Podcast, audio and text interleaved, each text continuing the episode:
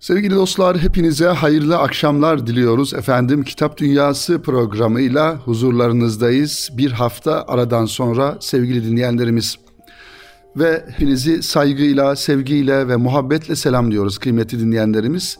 Programımızın bu ilk dakikalarında biraz sesimizde efendim e, e, kırıklık var. E, malum e, insanların e, kış döneminin sonlarında ortalıkta bir takım salgın hastalıklar da oluyor. E, zaman zaman e, bu hastalıklara maruz kalabiliyoruz. O yüzden sesimden dolayı hepinizden e, özür dileyerek sevgili dinleyenlerimiz programımızı inşallah sürdürmeye çalışacağız. Dilimizin döndüğünce, gücümüzün yettiğince.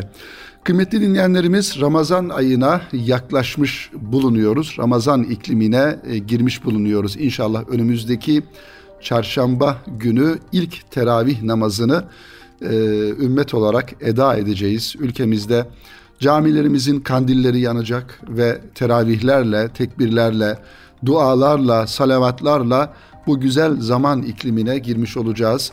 Şimdiden Ramazan ayınızı tebrik ediyorum ve ümmeti Muhammed'e, bütün insanlığa hayırlar getirmesini Cenab-ı Hak'tan niyaz ediyorum sevgili dostlar. Ramazan ayı yetimlerin sevindirildiği ve yoksulların gözetildiği, infakların arttığı bir manada arınmanın yaşandığı iç alemimize yolculuk yapılan bir zaman dilimi sevgili dinleyenlerimiz. Tabii ki hepsinden önemlisi Ramazan ayı bir Kur'an ayı yani kitap ayı. Bütün kitapların anası olan ve bizim de hayat rehberimiz olan sevgili Peygamber Efendimiz sallallahu aleyhi ve sellemin ümmeti Muhammed'e, İslam e, İslam alemine insanlığa getirmiş olduğu o büyük çağrının yeniden okunması, anlaşılması için büyük bir fırsat Ramazan ayı sevgili dinleyenlerimiz.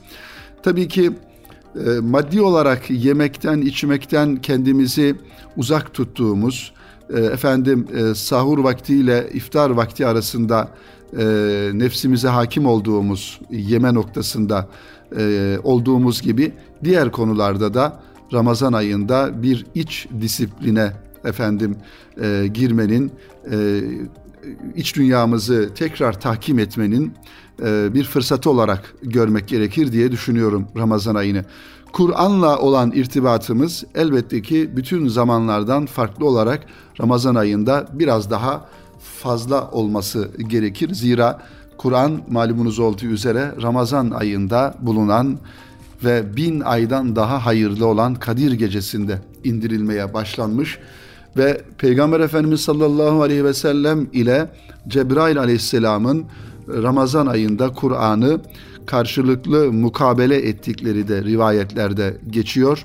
Zaten bizim kültürümüzde Ramazan ayında gerçekleştirilen mukabele kültürü de yani Kur'an-ı Kerim'i karşılıklı okuma, karşılıklı dinleme efendim e, uygulaması kültürü de oradan geliyor.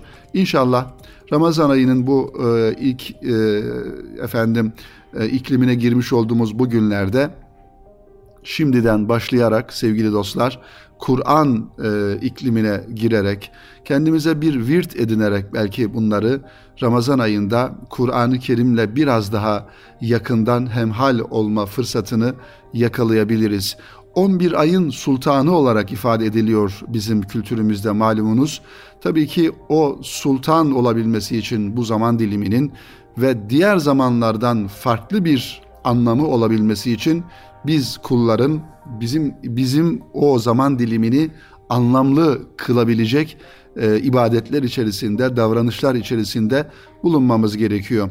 Ramazan ayı arınma ayı olarak ifade ediliyor sevgili dinleyenlerimiz. Aynı şekilde o arınmayı kalbimizde, yüreğimizde, ruhumuzda, dimağımızda ve hayatımızın her noktasında yaşama gayreti içerisinde olursak ancak arınmayı efendim hissedebiliriz. Hani hep böyle söylenir eski Ramazanlara özlem duyulur. Aslında insan kendi hayatının Ramazanını kendisi yaşar. Özlem duyuracak Ramazanları kendisi ortaya koyabilir. Şayet biz e, Ramazan ayını sevgili dinleyenlerimiz bir infak ayı, bir efendim e, ibadet ayı, camilerimizde teravihlerimizle, Kur'anlarımızla, e, efendim iftar sofralarımızla, bir e, Ramazan ayını bu şekilde bir şuurla veya nefis terbiyesi noktasında da itikafla bir yönüyle inzivaya çekilerek itikaf sünnetini de yerine getirerek yaşar isek o zaman özlenilecek Ramazan ayları bizim için geçmiş yıllara ait e, olmamış olur. Yani biz bunu yaşamış oluruz sevgili dinleyenlerimiz. İnşallah bu Ramazan'da da e, bunun hassasiyetinde hep beraber oluruz.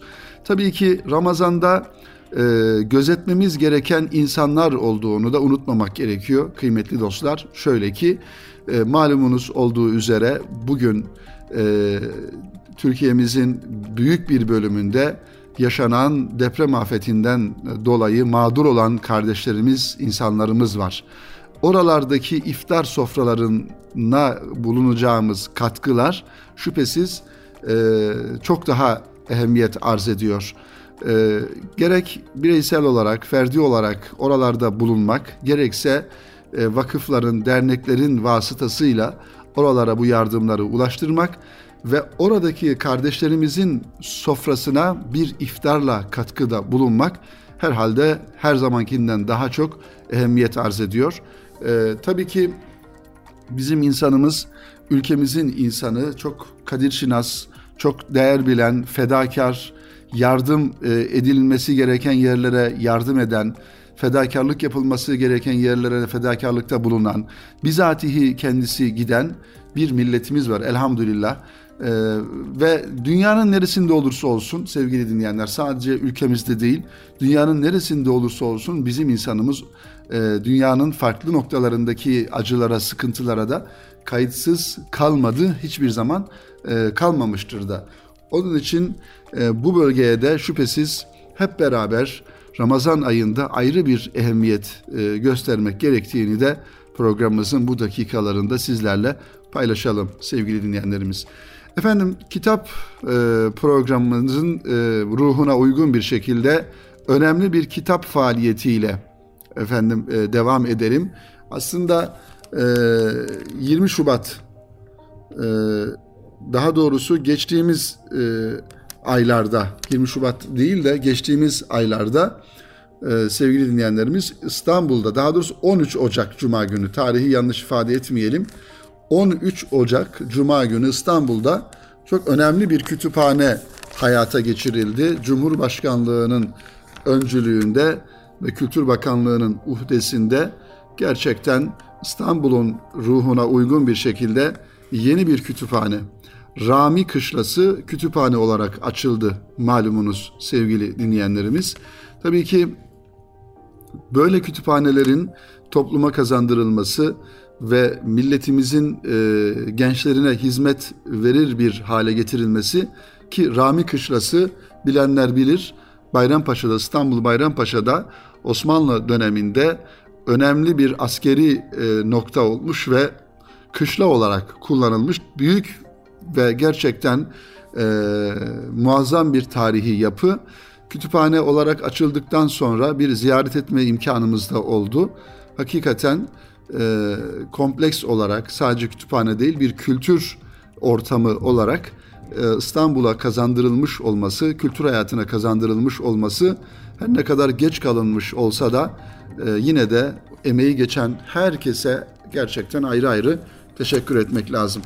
Bu e, kütüphane ile alakalı e, Mehlika Karagözoğlu hanımefendinin bir yazısı var. Yeni Şafak gazetesinin kitap ekinde Umuda Açılan Yelken Bir Kütüphane Hareketi başlığıyla bu yazıdan da e, inşallah istifade ederek sevgili dinleyenler e, biraz daha Rami Kışlası'nın kütüphane olmuş haline yakından bakalım. Eğer gitmediyseniz mutlaka e, tavsiye ederim. E, hem e, sosyal ortamları olarak yani Rami Kışlası tabii bir kışla mantığıyla yapıldığından dolayı e, şöyle kare şeklinde büyük binaların olduğu ve ortasının büyük bir bahçe park halinde yapıldığı yeşilliklerin içerisinde ağaçların büyük tarihi ağaçların da bulunduğu bir ortam. E, her türlü kategoride kitapların olduğu, çocuklar için etkinlik alanlarının olduğu, söyleşi efendim salonlarının, konferans salonlarının olduğu ve yapıldığı e, birçok kültürel faaliyetin e, alanı olan bir ortam olmuş. Rami Kütüphanesi, e, Rami Kışlası'nda açılan sevgili dinleyenlerimiz. Diyor ki e, Mehlika Karagözoğlu hanımefendi, 10 yıl öncesine kadar dünyanın dört bir yanındaki beşikten mezara, 7'den 70'e her birey için etkin bilgi hizmeti sunan gelişmiş kütüphanelere gıpta ile bakar. Biz ne zaman inşa edeceğiz? Kütüphane temelli okuma kültürümüzü diye hayıflanırdık. Bir milletin yükselmesi salt ekonomik kalkınma ile değil, ekonomik ve kültürel kalkınmanın birlikteliği ile olur. Kültürel kalkınma için okuma kültürüne, okuma kültürü içinde elbette ki kütüphanelere ihtiyaç var diye yazıp çizerdik. Sonra birer birer açmaya başladı çiçeklerimiz diyor. Bu kütüphaneyle alakalı umudunu ifade ederken. Tabii teknolojinin ilerlemiş olduğu bu bir zaman diliminde sevgili dinleyenlerimiz şöyle bir e, zaman zaman e, ümitsizliğe kapılanlar da oluyor. E, şöyle ki yani bu kadar teknolojinin geliştiği, telefonlarda her türlü materyalin, kitabın, dijital kütüphanelerin bulunduğu bir zamanda kim kalkıp gidecek kütüphaneye gibi e, yanlış bir yaklaşımda bulunabiliyor insanlar. Halbuki kütüphaneler e, sevgili dinleyenlerimiz e, işte tamamen bütün bu e, sosyal hayatın keşmekeşinden efendim dijital hayatın baskısından sosyal medyanın e, içine bizi çektiği kaostan e, kurtulmak için adeta kendimizi kitaplarla inzivaya çekmek ve kitaplarla baş başa kalabilmek için gidilmesi gereken mekanlardır kütüphaneler. Yani insan sadece kütüphaneye gidip orada bir kitabı eline alıp e, okumak için gitmez. Kütüphane bir kültür ortamıdır. Az önce de ifade ettiğimiz gibi kitap okuma meselesi bu tür kütüphanelerde sadece meselenin küçük bir parçasıdır e, sevgili dinleyenlerimiz. Onun için kütüphaneleri sadece kitap okumak olarak değil, bir araştırma merkezleri olarak efendim öğrencilerimiz için ki gittiğimizde orada da gördük. Üniversiteye hazırlık yapan öğrencilerimiz için bir üniversite hazırlık ortamı, bir ders çalışma ortamı e, olarak e, birçok yönüyle bakmak lazım e, diye düşünüyorum. 20 Şubat 2020'de Cumhurbaşkanlığı Millet Kütüphanesi açılışında bir ülkeyi büyük ve güçlü yapan bilgiye ve bilime verdiği önemdir. Ne mutlu bugüne ki artık bizim de hem göz hem gönül aydınlığı veren bir kütüphanemiz var. İşte şimdi büyük Türkiye'yiz. İşte şimdi gerçekten çok güçlüyüz. İnanıyorum ki bir gün halk kütüphaneleri de olması gereken noktaya gelecek. Bir gün her şey gerçekten güzel olacak diye düştüğüm not gerçek oluyor diyor Mehlika Karagözoğlu hanımefendi. Çok şükür o halk kütüphanelerimizi de kuruyoruz bir bir. Evet, Sayın e, Cumhurbaşkanı'nın da sevgili dinleyenlerimiz e, açmış olduğu Millet Kütüphanesi, e, Ankara'daki Millet Kütüphanesi de gerçekten takdire şayan önemli bir e, kültür mirası olarak e, hayatımızın içine girmiş bulunuyor sevgili dinleyenlerimiz. Anadolu'nun dört bir yanında bebekten gence, çocuktan yaşlıya kapıları herkese açık dört dörtlü kütüphanelerimiz açılıyor. Daha çok düşünen, daha çok merak eden, daha çok öğrenmek isteyen ve okuyan bir Türkiye için kovandaki arılar gibi usul usul çalışan güzel yürekli kütüphaneciler atanıyor bu kütüphanelere. Düşünce özgürlüğünün bayrağını dalgalandırıp toplumsal kaynaşmada en önemli rolü üstleniyorlar ve İstanbul özelinde de gitgide iyileşiyor kütüphane hizmetleri. Kütüphane hizmetleri demişken sevgili dinleyenlerimiz aslında İstanbul'umuzun merkezinde özellikle tarihi yarımada da geçmişten günümüze e, varlığını sürdüren çok önemli kütüphaneler olduğunu da zikretmek lazım. Mesela onlardan bir tanesi İstanbul Üniversitesi'nin civarında bulunan Süleymaniye Kütüphanesi, İstanbul Üniversitesi'nin kütüphanesi, efendim e, Nadir Eserler Kütüphanesi, El Yazmaları e, Kütüphanesi gibi e, adeta tarihi belgeleri bağrında barındıran önemli kütüphaneler İstanbul'umuz için e, zikretmek lazım. Bunları da e, ifade edelim. Kültür ve Turizm Bakanlığı İstanbul'da birçok kütüphaneyi yenilediği gibi yeni kütüphaneler de açtı. Bakanlık ve yerel yönetim ortaklıklarıyla yapılan çalışmalar, okuma kültürü için yapılan işbirlikleri, yenilenen mekanlar, geleceğe dair umut çiçeklerini bize sunuyor ve yüzlerimizi güldürüyor. Bakanlığın kütüphane hizmetleri yanında İstanbul'daki belediyelerin kütüphane hizmetleri de aynı zamanda göz dolduruyor. Birçok kesimin ihtiyacına cevap veren kütüphaneler daha kolay odaklanıp ders çalışabilmek için etüt ortamı, az önce de zikrettiğimiz gibi bu arayıştaki gençler güncel ve popüler kitapları ödünç alarak okumak isteyenler ve araştırmacılar ile dolup taşıyor. Bilgi evleriyle çocuklara, millet kıraathaneleriyle genç ve yetişkinlere hizmet veren Zeytinburnu Belediyesi, Haluk Dursun ve Mevlana İdris gibi yitirdiğimiz kıymetli isimleri kütüphanelerde yaşatan Üsküdar ve Sultanbeyli belediyeleri, birçok farklı ilçede yeni kütüphaneler açan İstanbul Büyükşehir Belediyesi, dijital bir kütüphane kurarak teknolojiye ayak uyduran Esenler Belediyesi, etkinlikler düzenleyen iki büyük halk kütüphanesi ve bilgi evleriyle Bağcılar Belediyesi, şehrin okuma kültürü için büyük adımlar atılmasına vesile oluyor.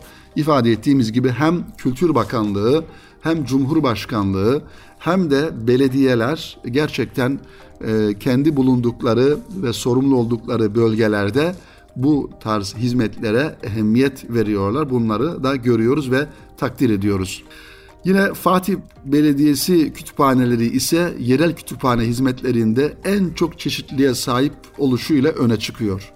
Gençlere ve yetişkinlere yönelik hizmetler yanında çocuk durakları açan, bugünlerde ebeveyn çocuk bilgi hizmetlerini bir arada vermeyi planlayan Fatih Belediyesi yaşını almış okurlar içinde Yadigar Kahvesi adını verdiği bir mekanda halk kütüphanesi hizmetini sunuyor sevgili dinleyenlerimiz. Evet gelelim programımızın başında da zikrettiğimiz gibi Rami Kışlası'nın e, kütüphanesi e, kütüphane olması meselesine. 13 Ocak 20, 2023 Cuma günü tarihi bir açılışa şahitlik ediyoruz bu e, Rami Kışlası'nda. 36.257 metrekare kapalı kullanım alanı ve 50.954 metrekare peyzaj alanına sahip olan tarihi Rami Kışlası İstanbul'un en büyük kütüphanesi olarak açıldı. İstanbulluların kültür, sanat ve eğitim ihtiyaçlarını 7 gün 24 saat, evet burası önemli, bu kütüphane 24 saat açık e, usulüne göre çalışıyor. Yani kütüphaneye hangi saatte giderseniz gidin mutlaka orada e, çalışabilirsiniz. Orada sizi karşılayacak görevli insanları bulabilirsiniz. 7-24 saat açık serbest çalışma ve okuma salonları, bebek çocuk engelli bölümleri, grup ve bireysel çalışma alanları, konferans ve sergi salonları, kafeterya, atölye ve etkinlik alanları ile karşılayacak olan Kışla Kütüphane, Kütüphaneler ve Yayınlar Genel Müdürlüğü, Beyazıt Devlet Kütüphanesi Müdürlüğü, Atatürk Kültür Dil Tarih Yüksek Kurumu Başkanlığı, Yazma Eserler Kurumu Başkanlığı, e, efendim İstanbul Basma Yazı ve Resimleri Derleme Müdürlüğü için e, burada onların da alanları burada bulunuyor. Bahsedilen kurumlarında bu büyük alanda sevgili dinleyenlerimiz. Yani Rami Kütüphanesi, Rami Kışlası'nın oluştuğu kütüphane aslında bir yönüyle kütüphaneler e, kompleksi olarak hazırlanmış e, sevgili dinleyenlerimiz Bayrampaşa'da e, lokasyonu da e, o kadar zor değil, kolay gidilebilecek. Mutlaka e, çocuklarımızla, ailemizle beraber bir gün zaman ayırarak Rami Kütüphanesi'ne gidelim ve oradaki o tarihi mekanda ecdadımızın bir dönem e, efendim e, askerlerinin, ordusunun barındığı gerçekten hem müze tarafı da var. Orada askerlerin barındığı odalar, efendim yemek pişirilen yerler tarihi olarak müze olarak oralarda kullanılan malzemelerin her birisini de görme imkanını e, bulabilirsiniz burada inşallah e, sevgili dinleyenlerimiz. bahar aylarının yaklaştığı bu günlerde belki Ramazan ayında bir iftarı da orada e, yapabiliriz, yapabilirsiniz. Rami Kütüphanesi'ni de bu şekilde sizlere kısaca anlatmış olduk. Programımızın birinci bölümünü biraz açtık. İnşallah kısa bir ara verelim. Aranın ardından güzel haberlerimizle devam edelim inşallah. Sevgili dostlar tekrar huzurlarınızdayız. Kitap Dünyası programıyla ara, kısa bir aranın ardından devam ediyoruz. Efendim yakın dönemimize efendim edebiyat açısından damga vurmuş üç ismin anlatıldığı güzel bir kitap. Ketebe yayınlarından çıkmış 119 sayfadan oluşuyor. Üç isim, dört mevsim ismini taşıyor bu güzel çalışma. Necmettin Turinay imzasıyla. Ahmet Hamdi Tanpınar, Mehmet Kaplan ve Orhan Okay, Türk Edebiyatı'nın üç büyük ismi, birbirini takip eden üç büyük hoca. Necmettin Turinay Üç İsim Dört Mevsim kitabında bu üç büyük isme vefa borcunu ödüyor bir yönüyle. Yeryüzünde insanın varoluşundan beri söz vardı. Edebiyat sanatının malzemesi de aynı zamanda sözdür. Yazı ise sözlerimize ışık tutan bir penceredir, bir düşünüştür, hatırlatmadır. Tarihe kayıt düşmektir. Hayatı sarsmaktır. Bazılarına göre bir dışa vurma, dışsallaştırma biçimidir. Kendini anlatmak, anlaşılmaktır. Yazının bir manada vasıfları. Her yazanın bir derdi vardır. Anlaşılmak, kimlik bulmak, tanınmak, bilgilerini paylaşmak, dertleşmek, okuru tarafından fark edilmek. En önemlisi de yazarın okurlarıyla hayatın içinde karşılaşması, onların takdirini kazanmasıdır. Yazar, ürettiklerinin değerini beğenilmekle, takdir edilmekle güçlendirir. Hiçbir sanatçı kendi kendini motive edemez. Dışarıdan gelen uyarıcılara ihtiyaç duyar. Necmettin Turinay, üç hocası için özellikle kendi hocası Orhan Okay için bir vefa borcu ödüyor. İyi bir eleştirmen olan Necmettin Turinay, Üç isim Dört Mevsim adlı eseriyle üç büyük hocayı okurlara tanıtıyor. Bu tanıtımı yaparken bir yandan da dönemin sanatçılarını inceden inceye eleştiriyor. Turinay'ın asıl yakındığı ise her okurun, özellikle de yazan okurun edebiyat dünyasında yaşananlara gözünü kapatması oluyor. Yazan okur her zaman çağının takibinde olmalı, akranlarını incelemeli ve aynı zamanda eleştirmelidir. Edebiyat dünyasının takip edilmesi yazar için boşa zaman kaybı değil, aksine sanatçının kimliğinin oluşmasında bir aşamadır. Necmettin Torinay, Tanpınar'ın çağı içerisinde anlaşılamadığını ancak ölümünden sonra değerinin fark edildiğini vurguluyor. Tanpınar, Bergsoncu bir anlayışta müzikle kurduğu bağını tüm eserlerine taşıyor. Tanpınar'ın kendine ait üslubu, onun zekasının bir örneği olarak veriliyor. 19. asır Türk Edebiyatı Tarihi adlı eser, edebiyatımızın dönemlerini belirliyor. Cumhuriyet dönemi Türk Edebiyatı ile divan edebiyatı karşılaştırması yapıyor aynı zamanda. Doğu Batı edebiyatı ve sosyal yaşamdaki karşılaşmaları bunların toplum yaşamına etkilerini bir sosyolog gibi irdeliyor. Edebiyat tarihi eserinde bu kadar ince bir düşünürken Huzur romanında bir o kadar duygularını ortaya döküyor. Ahmet Hamdi Tanpınar Şair kimliğini nesirle birleştiriyor. Bütün eserlerine imgeler yerleştiriyor. Necmettin Turinay, Mehmet Kaplan'ın Tanpınar'ın gölgesinde kaldığını söylüyor bu kitabın sayfalarında. Mehmet Kaplan çok yazı yazan, disiplinli çalışan, sayısız tahliller, incelemeler hazırlayan güçlü bir sanatçı. Turinay, Kaplan'ın pek çok öğrenci yetiştirmesine rağmen onun üzerinde çalışma yapanların, değerini anlayanların olmamasından yakınıyor. Evet, çalışmalarında dolduramadığı boşlukları tasavvufla tamamlıyor Mehmet Kaplan. Dergilerde sayısız çalışmalar ortaya koyuyor. Çağının siyasi çalkantılarına karışmadan sessiz sedasız çalışmalarını sürdürüyor. Yine bu kitaba konu olan üçüncü isim, evet üç isim dört mevsim dedik. Ahmet Hamdi Tanpınar, Mehmet Kaplan ve Orhan Okay. Orhan Okay ise hayatının çoğunu taşrada geçiriyor. Buna rağmen Turinay'ın onu anlatırken bağdaşım kurduğu şehir İstanbul'dur. Sonradan göç eden bir isim olsa da doğma büyüme İstanbul'u olan yazarlardan daha çok şehrin üslubunu benimsemiş ve yazılarına yansıtmış bir isimdir Orhan Okay. Yazar Orhan Okay'ın çok önemli edebiyat eserleri ortaya koymasına rağmen yine üzerinde durulmayan bir isim olduğundan da yakınıyor. Yakın e, dönem efendim edebiyat tarihine ilgi duyan sevgili dinleyenlerimize e, tavsiye edeceğimiz güzel bir çalışma e, Ketebe yayınlarından çıkmış e, Necmettin Turinay'ın imzasıyla sevgili dinleyenlerimiz 119 sayfadan Ahmet Hamdi Tanpınar, Mehmet Kaplan ve Orhan Okay'ın anlatıldığı bir yönüyle edebi kişiliklerinin ön plana çıkarıldığı güzel bir çalışma sizler için. Son olarak sevgili dostlar İbrahim Kalın'ın Mecra kitaptan çıkan Gök Kubbenin Altında isimli bir çalışmasından bahisle programımızı yavaş yavaş sonlandıralım.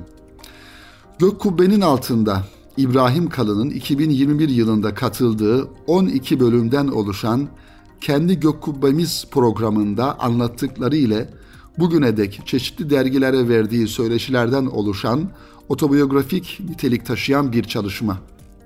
Evrensel insanlık tarihinde kimsenin zihnine uğradığını reddetmeyeceği sorulara farklı açılardan cevaplar görebiliyoruz bu çalışmada. İbrahim Kalın yaşanan felaketler ve travmalarda ''Ey Tanrım bu kadar masum insan ölürken neredesin?'' diyen Voltaire'ın isyan şiirinden hareketle dünyadaki kötülüğün, eksikliğin, ontolojik zorunluluğunu mutlak iyiliğin sadece Allah'a ait olduğuyla açıklıyor ve masivallah yani Allah dışında her şeyin yaratılmış olduğunu ve bu vasıftan dolayı noksan olduklarını sade bir dille aktarıyor. Kitabın bizi en çok etkileyen kısımları ise zamanda yolculuk yapıyor gibi hissetmemiz oldu. Hz. İbrahim'in keskin zekasıyla puta tapanlara verdiği cevabı okurken hayatta ölçülü olmanın önemini Gazali'nin haddini aşan zıddına döner sözüyle tekrar düşünüyoruz. Nitelikli konuların ele alındığı kitapta e, İbrahim Kalın'ın Mevlana'nın pergel metaforunu tasvir ederken doğuda ve batıda eşrefi mahlukat üzerine kim teemmül ettiyse eksiksiz isimlerini geçirmesi e, efendim burada e, bir takım soruların cevaplarını bulmamıza bizi sevk ediyor. İbrahim Kalın'ın Gök Kubbenin Altında isimli çalışması. Yazar kavramlar üzerine sorgulamalar yaparken zaman, modern çağın dilsiz zorbası hızı o an durdurdu. Tahayyül gücüm de işte burada başladı. Zihne ve kalbe değen bir eser diyoruz. Bu çalışmayla ilgili sevgili dinleyenlerimiz Zeynep Eyüboğlu hanımefendi bir kritik yazısı yazmış. Ee, İbrahim Kalın'ın Mecra kitaptan çıkan Gök Kubbenin Altında e, isimli çalışmayı da sizlere okunacak kitaplar tavsiye ediyoruz sevgili dinleyenlerimiz. Efendim önümüzdeki hafta tekrar buluşmak ümidiyle e, Ramazan ayı içerisinde olacağız. Şüphesiz e, şimdiden Ramazan ayınızı tebrik ediyoruz. Bütün dinleyenlerimizin, bütün dostlarımızın e, Ramazan ayının hayırlara vesile olmasını Cenab-ı Hak'tan niyaz ediyoruz. Önümüzdeki hafta buluşmak ümidiyle hoşçakalınız efendim.